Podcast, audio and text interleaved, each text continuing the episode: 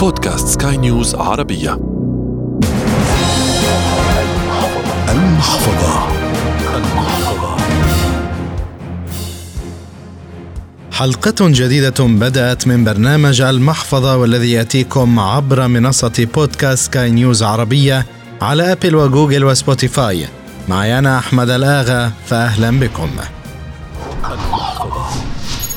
المنزل أمان للبعض.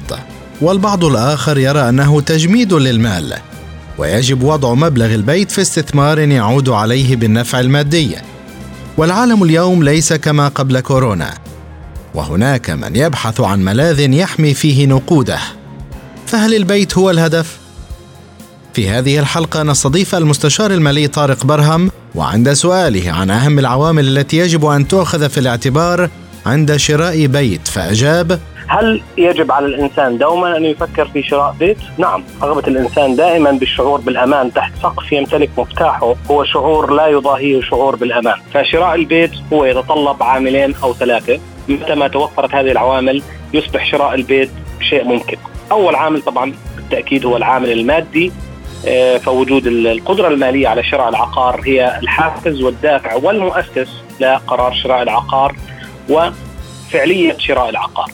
القرار الثاني دائما هو مرتبط بإنهاء مجموعة من المايلستونز أو النقاط المحورية في حياة الإنسان كالزواج أو إنهاء التعليم فلا يعقل ان شخص أن يكون آه، في على أبواب الزواج أو على أبواب الدراسة ويقتطع مدخراته ويحولها لشراء بيت ويوقف الخطط المستقبلية الآنية لأجل خطة مستقبلية ليس موعدها الآن، أنصح الأشخاص دائما بأخذ قرار شراء العقارات بعد إنهاء المسيرة التعليمية بعد الوصول إلى مرحلة الزواج وتأسيس العائلة. وغالبا يكون هذا السن في متوسط في المنطقة العربية بين ال 30 إلى 40 سنة. يجب على الشخص الراغب في اقتناء فرصه عقارية أن يركز في منطقة جغرافية محددة حتى لا يتشتت، وهناك مناطق يجب أن يتم استبعادها بسبب عدم القدرة أو الملاءة المالية الموجودة عند الشخص. على سبيل المثال مستثمر عقاري يخطط لشراء عقار ويمتلك 50000 دولار فيجب أن يستبعد من من قائمة الترقب وقائمة الملاحظة كل العقارات التي تتجاوز قيمتها ال ألف دولار حتى يترقب ويركز في هذا المكان ويلاحظ انخفاضاته وارتفاعاته. وعن شراء العقار في أوقات الأزمات أجاب برهم بالإيجاب. عند حدوث انهيار اقتصادي أو ركود اقتصادي آه، لا سمح الله تنخفض أسعار العقارات بشكل كبير جدا ويصبح من يمتلك العملة النقدية الكاش قادر على شراء عقارات بالمفاضلة والمفاوضة بقوة عالية جدا. وهذا آه تعتبر نقطة قوة عالية جدا بالنسبة له خصوصا أن العرض سيكون مخيف والطلب سيكون قليل. آه هذا يساعده أيضا في التحوط ضد آه، أحيانا انهيار العملة أو التضخم أو فك الارتباط في العملة. لأن تحويل العملة النقدية الورقية إلى عقار سكني يضمن أنه إذا حصل أي نوع من أنواع التضخمات هذا العقار سيتضخم مع مع التضخم الحاصل في السوق. بينما العملة النقدية تبقى كما هي. وأضاف المستشار المالي أن الانتظار لا يكون صائبا فقد تفوت الفرصة على المشتري. الحقيقة أنه مهما أبقيت نفسك في الانتظار فأنت لا تعلم النقطة التي سوف يصل فيها العقار في الهبوط. لكن يجب أن تتابع السوق بحذر. وبتتبع وبمراقبة يومية بحيث ما تصل إلى نقطة الانعطاف، دائما في السلع في نقط انعطاف اللي هي بتتحول فيها المؤشر من النيجاتيف أو السالب الهبوط إلى مباشرة الارتفاع. الارتفاع لا يحصل بالأسواق العقارية إلا يكون مصحوب بمؤشرات أخرى مثل انتعاش اقتصادي، انتهاء للأزمة.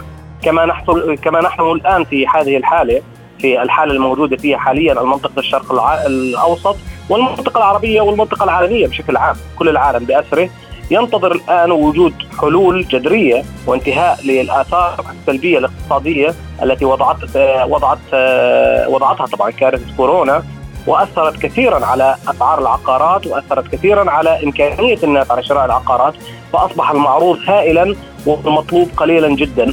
فبامكان أي شخص الآن أن يقوم بعملية الشراء لكن يبقى لديه هاجس.